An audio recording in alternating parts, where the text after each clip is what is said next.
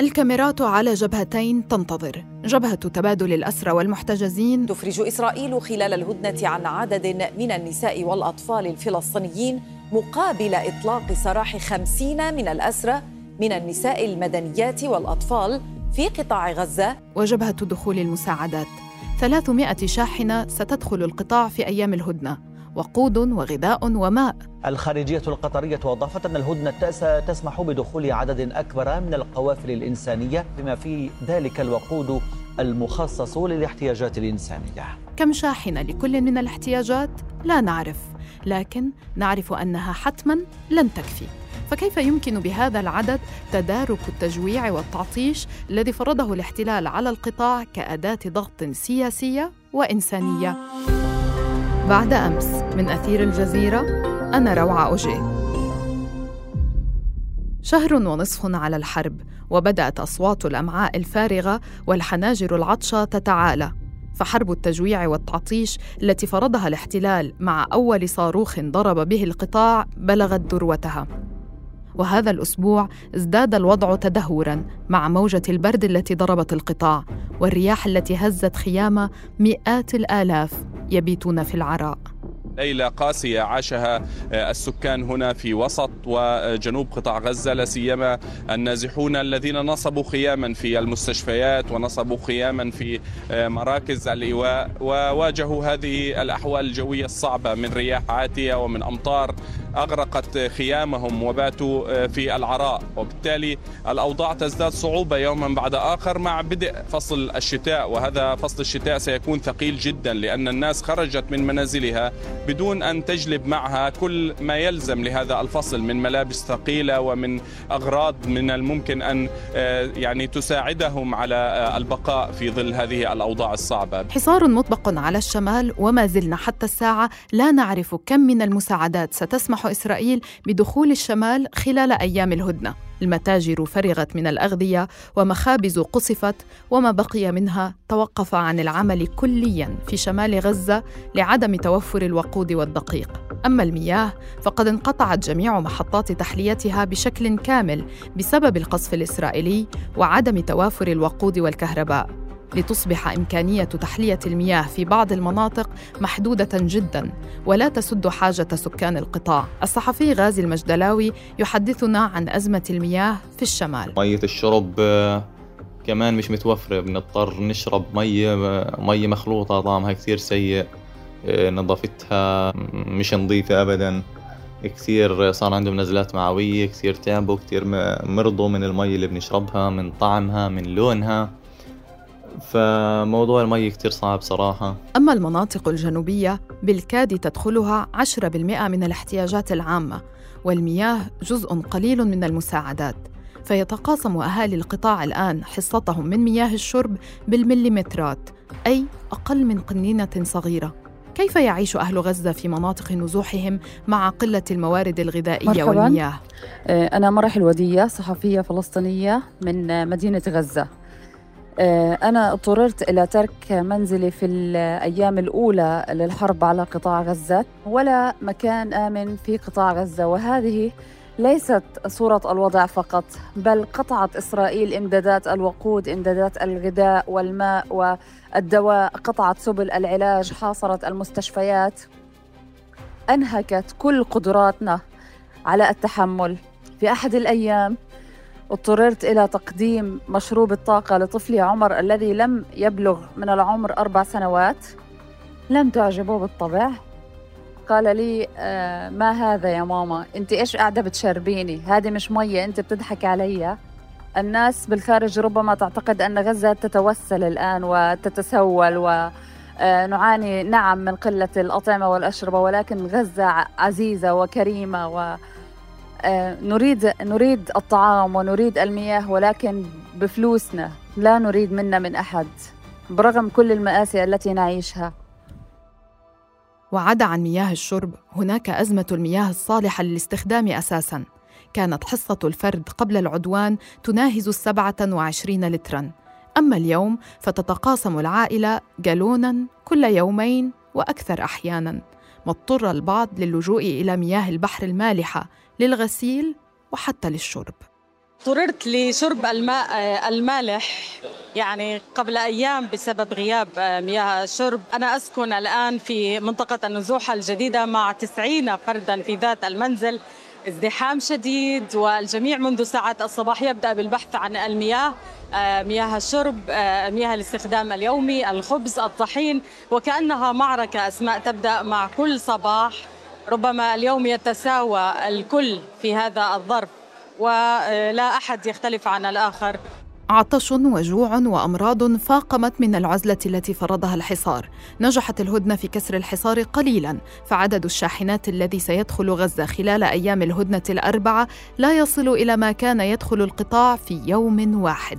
أما مخطط التهجير من الشمال إلى الجنوب فتستمر به إسرائيل عبر السماح لأهل الشمال بالنزوح جنوبا فقط وتغلق باب الشمال على من يفكر في العودة خلال أيام الهدنة. فهل يقدر الجنوب أساسا على استيعاب المزيد؟ يسعى الجيش الإسرائيلي بكل ما أوتي من قوة إلى إخلائها من السكان والسكان يصرون على البقاء. خلال مساء أمس آه، أعلن لسكان الشجاعية ومنطقة وسط مدينة غزة أو البلدة القديمة في مدينة غزة أبلغهم بضرورة إخلائهم لمنازلهم. كذلك في مناطق شمال قطاع غزة المستشفى الإندونيسي أيضا أطلق النار ويحاصر المستشفى ويصر على إخلاء هذا المستشفى من جميع المرضى ومن جميع الأطباء لكن ما زال يتواجد نحو 200 مريض وجريح. جنوبا لم تأمن المستشفيات ولا المساجد ولا مدارس وكالة غوث وتشغيل اللاجئين الفلسطينيين الأونروا لا من القصف ولا من النقص.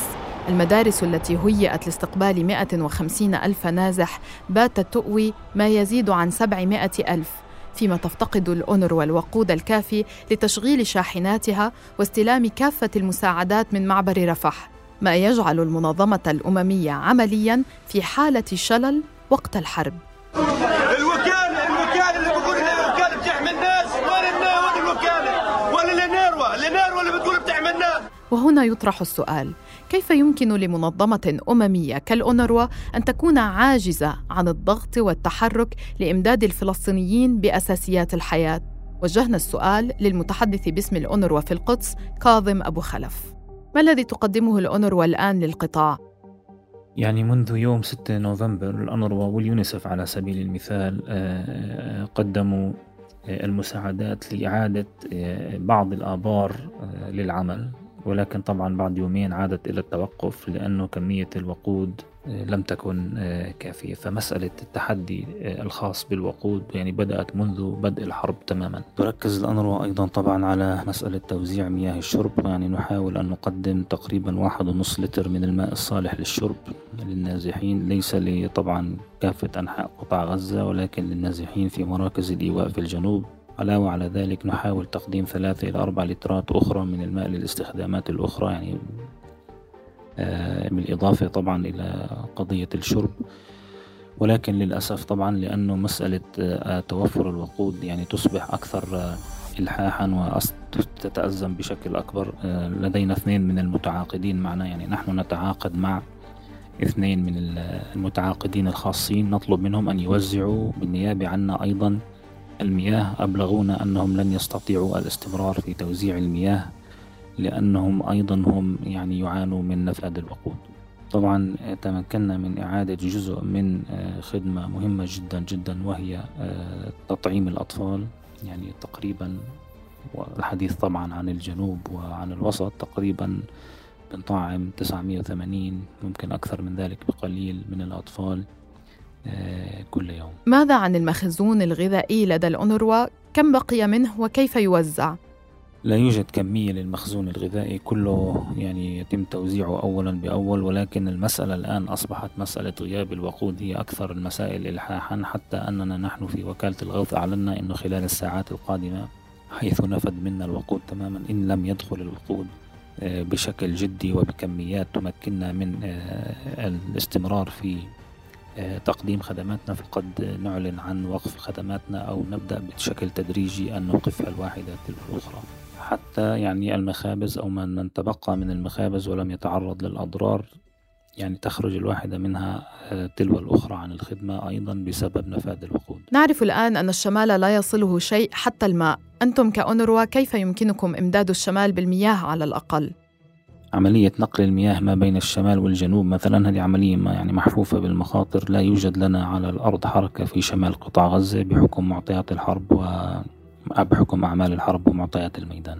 حرب تجويع ليست بجديدة فقبل الحرب كان نحو 80% من سكان غزة بحاجة إلى المساعدات وكانت تدخل القطاع مئات الشاحنات يومياً. لكن منذ قرار السماح بدخول المساعدات الإنسانية في اليوم الخامس عشر للعدوان لا تدخل القطاع سوى عشرات الشاحنات يومياً. فما الذي يمنع دخول المزيد من شاحنات المساعدات؟ وأين قرار كسر الحصار وتقديم الإمدادات الإنسانية للقطاع الذي خرجت به القمة العربية الإسلامية الطارئة في الحادي عشر من نوفمبر؟ يجيبنا على هذا السؤال الأمين العام لحركة المبادرة الوطنية الفلسطينية الدكتور مصطفى البرغوثي. الذي يمنع إدخال المساعدات إسرائيل. إسرائيل آه، تضع قيودا على دخول كل شاحنة عبر معبر رفح. ولا يوجد أصلا أي منفذ آخر مفتوح. وكل شاحنة تدخل تقوم بتفتيشها. والمشكلة هنا تكمن في ثلاثة أمور. الأمر الأول إنه عدد الشاحنات التي سمح بدخولها حتى الآن آه، لم يتجاوز 900 أو 950 شاحنة في حين أن الحاجة الحقيقية لقطاع غزة اليوم هي حوالي 19 ألف شاحنة. يعني 900 من 19 ألف. آه، قطاع غزة كان يحتاج يوميا إلى 500 شاحنة لتحمل له الدواء والغذاء والوقود والمياه. ولكن للأسف الذي يدخل هو كمية قليلة جدا. ثانيا إسرائيل تمنع دخول كثير من المواد. لم تسمح بدخول الوقود على الإطلاق. اليوم فقط سمحت لصهريج واحد واحد فقط يدخل ليوفر وقود لسيارات وكالة الغوث ولا أكثر ولا أقل. وبالتالي لكن في مشكلة ثالثة. المشكلة الثالثة تكمن في أنه حتى كل ما يدخل إلى رفح وهو قليل ممنوع أن يصل إلى مدينة غزة وممنوع أن يصل إلى شمال غزة. يعني لدينا أزمتين لدينا أزمة آه، متفاقمة أكثر في الشمال آه، وأزمة سيئة ومأساوية في الجنوب أساسا ولكن بقليل جدا عن الشمال. ولكن سياسيا كيف تفرض إسرائيل على آه، مصر ما يدخل وما لا يدخل؟ ما هي الأدوات التي تمارس فيها الضغط على مصر؟ القصف الجوي. إسرائيل قصفت معبر رفح أربع مرات. ولجأت للقوة العسكرية لمنع قوافل من الدخول. وطبعا إسرائيل تخرق القانون وتخرق الاتفاقيات لأنه ليس لإسرائيل حسب العرف الدولي وحسب القوانين القائمة أي حق بالسيطرة على معبر رفح. هذا معبر بين الفلسطينيين وبين مصر. ليس لا يجوز أن يكون للاحتلال سيطرة عليه ولكن هم أعادوا فرض سيطرتهم عليه. اليوم أنا برأيي لا مخرج من هذه الأزمة الإنسانية إلا أن تبادر الدول العربية والإسلامية التي اجتمعت في المملكة العربية السعودية وهي 57 دولة.